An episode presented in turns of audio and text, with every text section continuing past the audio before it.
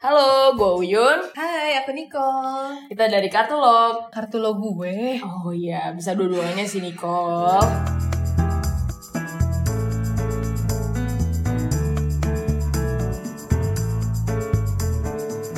Halo. Hai. Eh, jadi hari ini Kita kita, ada membicarakan tentang eh, yang kemarin kita obrolin Nicole, oh apa itu? Quarter life Ah, crisis. iya betul. Dan untuk itu kita ada kedatangan eh, seseorang ya. Siapakah dia? Siapakah dia? Shibli. Gak ada, Kelamaan. ada. Nanti kita masukkan. Oh gitu. Iya.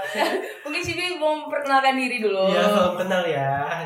Jadi eh, saya dipanggil Shibli. Mhm. Jadi saya merupakan praktisi psikologi yang sedang melanjutkan studi di Universitas Indonesia. Keren banget. Diketahui. Bapak Iya. Shibli.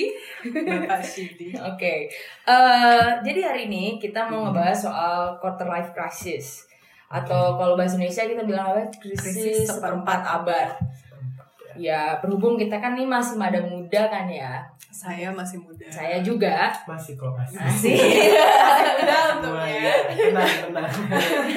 ini kan jadi tren di mana-mana di mana semua Hmm. orang kayak ngerasain, aduh eh, lagi ngelewatin Hmm. eh, quarter life crisis nih. Hmm. Tapi kita sebenarnya pengen tahu itu sebenarnya ada nggak sih di dalam dunia you know, ilmiah, di Iya. dalam eh, psikologi itu apa gitu? Bagaimana ceritanya? Kalau apakah sesuai dengan apa yang ada di media sosial kah atau Oke. Eh, jadi quarter life crisis sendiri ini mungkin kita harus tahu dasarnya dulu ya. Dasarnya adalah krisis eksistensial. Hmm. krisis ya secara sederhana kita dapat katakan gue pengen diakui gue pengen ada Oh, Iya. I wanna feel worthy I wanna feel uh, exist Milenial banget ya masalahnya ya. Iya kan Uh, dan di setiap perkembangan ini generasi milenial berarti rata-rata kita berada di usia 20 sampai 30 tahun ya Yes. Oke. Ya. Hmm. which is berarti kita berada di tahap perkembangan dewasa atau dewasa muda baru Uh. masuk nih Baru Gitu. masuk. Baru masuk. Bahkan ada teori yang mengatakan sebenarnya ke 25, 20 sampai 24, 25 orang dewasa di Indonesia itu sebenarnya masih remaja. Nah, itu yang saya rasakan Nah, sebenarnya. iya kan? Tidak, tidak. Saya tidak Bisa. setuju. Bisa dikatakan juga eh, kita eh, untuk usia seperempat dan sekitarnya nih. Seperempat dan sekitarnya. 25 dan sekitarnya, iya. Eh, itu kita berada bisa dikatakan emerging adulthood. Jadi Oh. perpindahan antara remaja sama dewasa. Masa Dimana- transisi berarti ya. Nah, di mana masa remaja itu mas adalah masa yang secara teori itu merupakan masa yang sangat krusial membangun identitas Hmm. dan potensi diri. Hmm. Masa dewasa di mana kita udah menggunakan potensi tersebut dan kita Oh. membuktikan kalau kita memiliki potensi itu. Oh. Ya, Di setiap perkembangan ada masalah. Ya, Hmm. dari bayi, dari uh, balita, Hmm. anak-anak, remaja, dewasa, Oke. dewasa tua, Hmm. hingga lansia semua ada masalah. Ya. gitu. Nah, kenapa uh, quarter life crisis atau kita singkat aja ya KLC ya. Ya, ya. KLC. KLC itu menjadi sangat uh, unik atau menjadi sangat Viral mungkin ya. Viral di kalangan gitu. milenial, Hmm, ya, ya. kalangan milenial. Itu karena emang stresor atau Hmm. sumber stres atau Hmm. sumber yang membuat kita merasa krisis ini juga unik. Oke. Gitu. Unik Unik dalam arti apa-apa. gimana nih? Iya, jadi unik karena eh, term ini baru muncul tahun 2000-an. 2000-an Iya. berarti 19 tahun, Tahun lalu. belakang Nah, ya. ya.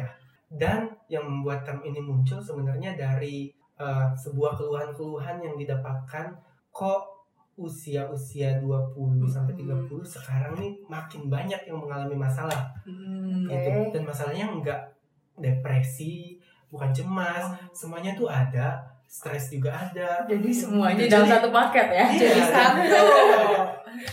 Sumbernya. Tapi ya sumbernya itu eh kalangan 20-30 ternyata Hmm. sekarang menuntut diri mereka lebih dari kalangan yang lain. Oh. Jadi sebenarnya tuntutan itu dari dari dalam diri sendiri. Dari dalam diri sendiri. Oh. Kenapa? Karena situasi juga. Oh, jadi Nah, both jadi ways dong atau gimana? pasti Oke. pasti both ways. Tapi kok dulu dulu kan orang tua kita juga pasti usia 25 lewat lah ya. Iya. Pasti. Iya iya. Enggak, Loncat Iya. gitu ya. Gak mungkin, gak mungkin 21 langsung 30 Langsung gak mungkin ya. 30. Iya. Tapi kok gak ada. Nah, gitu. itu dia. iya, iya, iya. Gitu. Kalau dulu kan taunya midlife crisis. Iya, Nah, Yes, nah ini kata kunci yang sangat bagus.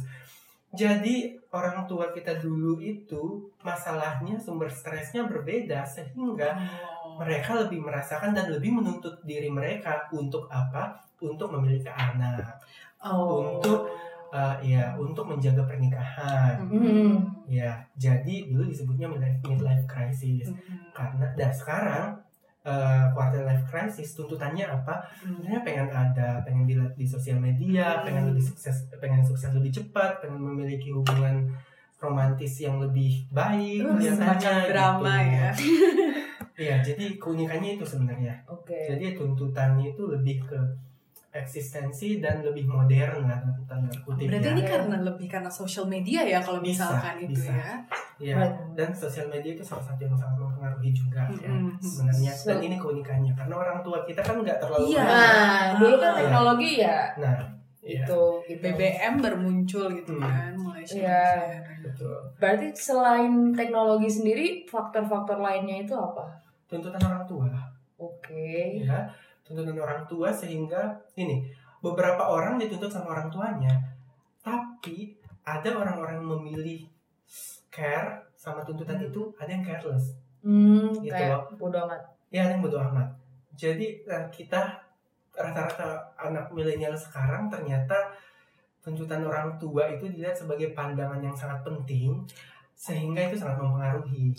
Sih ya namanya juga orang tua ya Iya. Nggak cuma itu teman juga Heeh. komunitas atau kohort kohort tuh kayak angkatan kita Hmm. yang rata-rata angkatan kita nih kerjanya di startup yang keren gitu Hmm. ya di mana di salah satu perusahaan A perusahaan B kok gue Cuma nggak di bisa perusahaan iya, C betul. gitu ya. itu kan unik ya sebenarnya ya Oke. Tapi kalau ngomongin soal tuntutan dari orang tua, sebenarnya kan berarti orang tua kita juga pasti punya tuntutan dari yang di atasnya lagi kan. iya Maksudnya betul. apa ada eh, situasi tertentu yang akhirnya mengakibatkan orang tua orang tua kita zaman sekarang ini menuntut agar kita sukses lebih cepat atau apa gimana gitu? Nah, Eh, tuntutan yang diberikan mungkin berbeda nih ya Oh. kayak tuntutan zaman dulu kan mungkin Hmm. menikah Oh iya. Oke.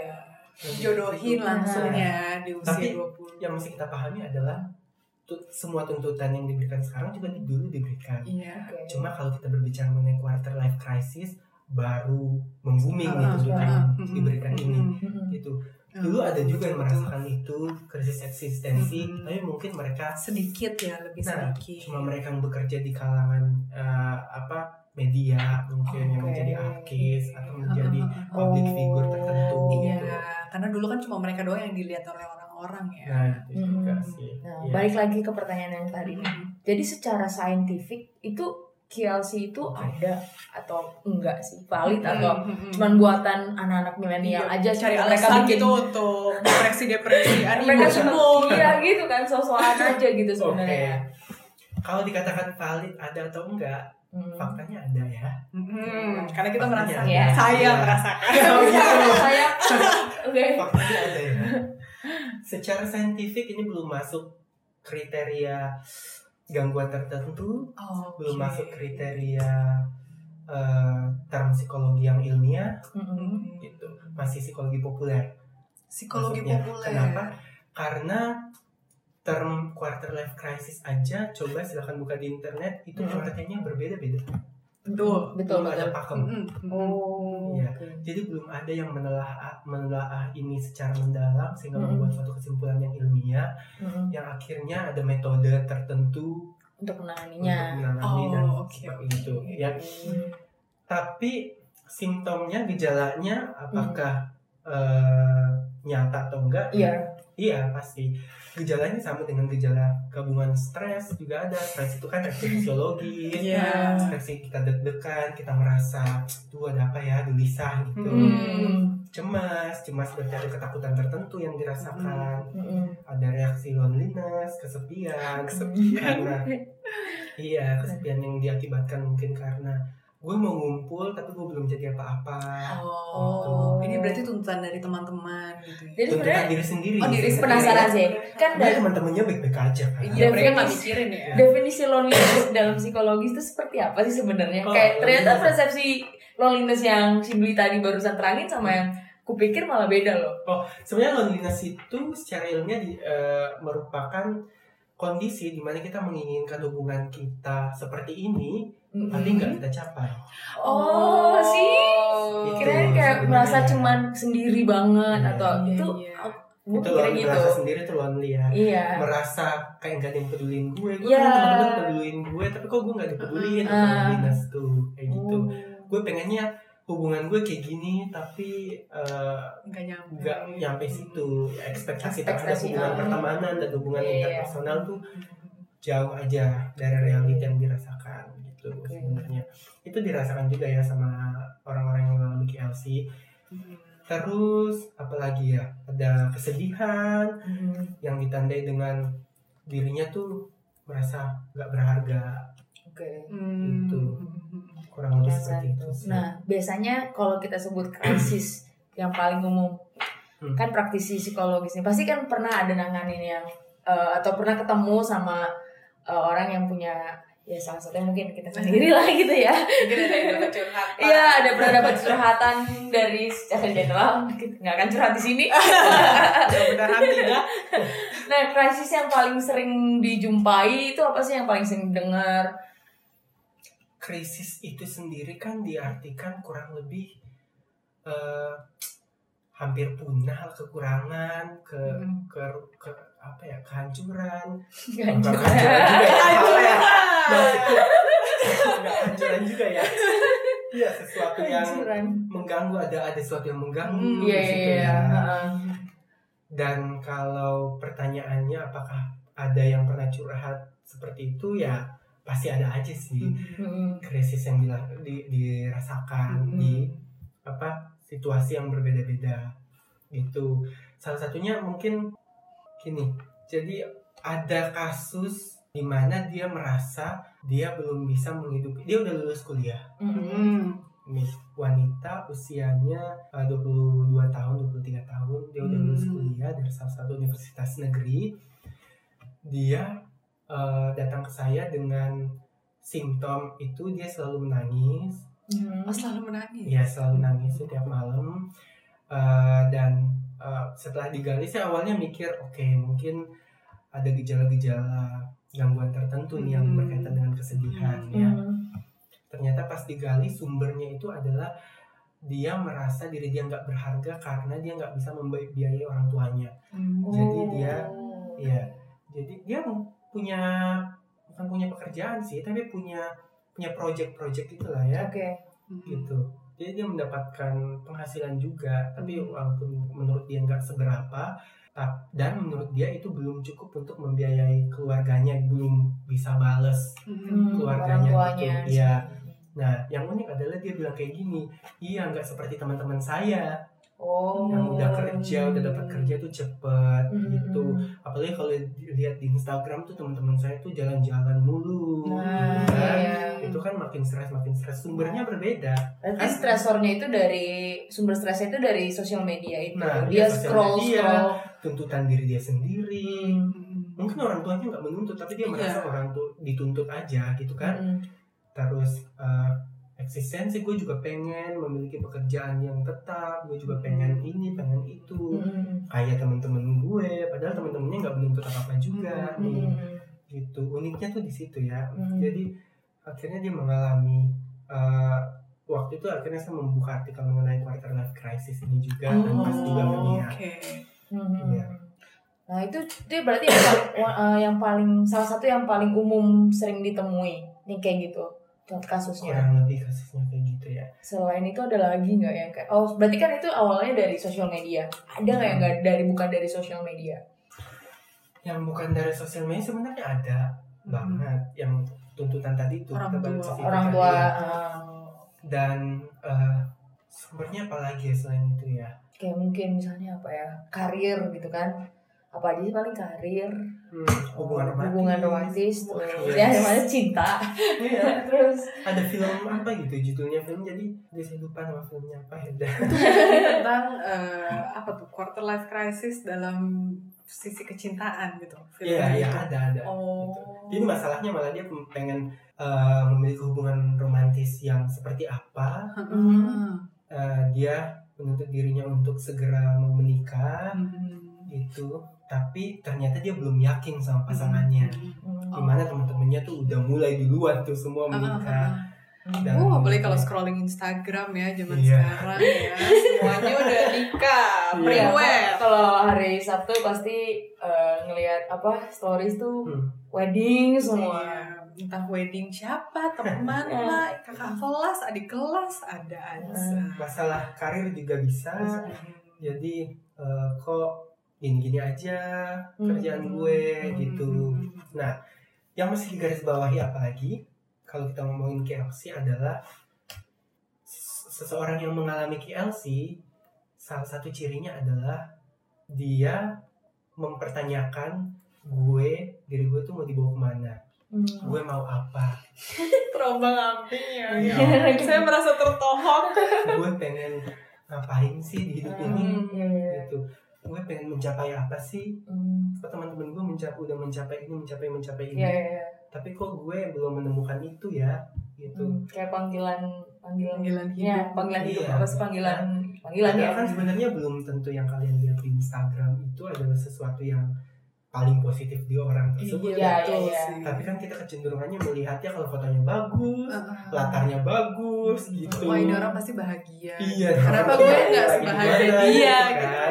Dia pasti Oh. udah bahagia dan udah menemukan jalan hidupnya iya gue padahal belum menemukan jalan hidup gue nih Nah, makanya sangat sensitif tuh mengenai tuntutan hmm. karena dia juga menuntut dirinya sebenarnya untuk menemukan Hmm. itu Oh. Oke, kayaknya kita udah mau selesai juga. Tapi Hmm. ya kan, nah eh, sebelum kita menyudahi ini, kira-kira Shibli mau menyampaikan apa ke teman-teman yang lagi sedang dengerin galau Ya. QLC ini Uh-uh. seperti saya. Oke.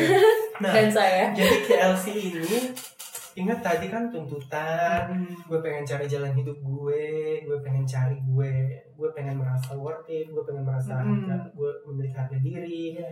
dan lain sebagainya yang membuat kita mengalami hal tersebut apa eh, simptom-simptom negatif tersebut Mm-mm. kan sebenarnya yang kita lupa adalah kita menjauhkan diri sama nilai pribadi kita Oke. tapi kita mengadaptasi nilai yang lingkungan kita Oh. Social standar Nah, mungkin ya. nah, iya Oh, jadi- standarnya ada tapi sebenarnya sosial standar itu kan sebenarnya nggak nggak ada sebenarnya. yang kita dari kita juga. Iya. balik lagi tuntutan diri terhadap diri sendiri misalnya apa eh saya sukanya eh, kesenian misalnya Mm-mm. saya suka nilai saya itu kreatif Iya. tapi teman-teman saya tuh eh, semuanya bekerja di eh, suatu perusahaan yang emang mungkin banking gitu. hmm, yang lebih terkenal Hmm. yang lebih dan memiliki pola kerja yang ritme kerja yang apa yang lebih Stabil. stabil Oh. Hmm. ya saya orangnya lebih kreatif which is biasanya Oke. kan lebih uh, Fleksibel. butuh fleksibel seperti itu kan. karena semuanya kayak gitu kan saya juga jadi mikir oke berarti gue juga harus ini nih baku Oh. gitu ya harus kerjanya pakai like iya. life. Hmm. padahal kalau dia mengikuti dirinya aja ya nggak apa-apa saya beda sama orang lain saya punya jalan saya sendiri saya punya Hmm. nilai saya sendiri saya ingin menjalani nilai saya sendiri Mm-mm. itu jauh lebih baik buat dia jauh lebih menenangkan Mm-mm. tapi gini Hmm. eh, mengikuti tuntutan sosial atau enggak itu balik lagi sebuah pilihan Hmm. Bukan berarti saya ngomong ada nilai pribadi ada enggak terus gue harus ikut nilai-nilai gue enggak seperti itu juga ya Iya. karena tetap kita harus mempertimbangkan sosial ya Hmm. tapi balik lagi itu pilihan kapan kita memilah kapan Hmm. kita mengambil semuanya Mm. kalau misalnya pilihan kita untuk gue juga pengen eh, apa gue juga pengen kayak teman-teman gue Mm-mm. gue juga pengen kayak eh, masyarakat sekitar itu kayak kohort Ya. gue kayak angkatan gue gue cuma juga pengen seperti itu maka ketahuilah ada konsekuensi di balik itu Hmm. Oh, oke. yang bisa dilakukan adalah mempersiapkan diri untuk konsekuensi tersebut Oh, Oke. Kalau kita pengen menjalankan nilai kita sendiri, gue pengen berbeda kan tetap ada konsekuensi Iya, juga ya. Iya, iya. gitu ya. Jadi Mhm. semua jalan ada konsekuensi yang bisa dilakukan adalah persiapkan diri untuk konsekuensi tersebut. Dan terkait dengan quarter life crisis ini juga merupakan salah satu fenomena yang ada, yang nyata, yang lagi dialami untuk khususnya bagi para kaum milenial Mhm. dan eh, kalau misalnya udah mengalami itu kembalikan mulai dipikirin lagi apakah ini emang nilai pribadi Hmm. saya Oke. Atau kan memang dari tuntutan apakah tuntutan saya itu emang berharga buat saya Mhm. atau ini cuma untuk saya merasa berharga di kalangan Kalangan saya saya. Oke. Jadi sebenarnya yang harus dilakukan adalah ngobrol dengan diri sendiri. Iya Berarti interaksi ya. lagi ya kepada diri sendiri ya. Iya. Maksudnya Iya. nilai-nilai pribadi kita apa, apa yang ingin kita ubah. Terus nanti kalaupun kita ingin ubah itu ataupun ingin menetapkan dengan nilai pribadi kita, berarti kita juga harus tahu konsekuensinya dan mempersiapkan diri sendiri sendiri. Oke. Menarik Wow, sekali ya. Sangat insightful. Agak lega sih. Agak lega sih. Oke, ada lagi mungkin Iko atau Shibli atau Yun. Tahu Yun, Atau ada. Yun. Oke. Thank you so much. Terima kasih banyak. Terima kasih banyak udah mau datang, udah mau sharing. ya mengenai pendapatnya dan juga mungkin dari sisi ilmiahnya yang selama ini Iya. mungkin kita nggak terlalu ketahui ya karena Iya. kita taunya ada aja di masyarakat gitu. Thank you so much. Jangan bosan-bosan kalau diundang lagi. siap Yes. siap, siap. Seru banget. Oke. Oke. Oke, thank you Shibli. Bye. Terima kasih. Makasih guys.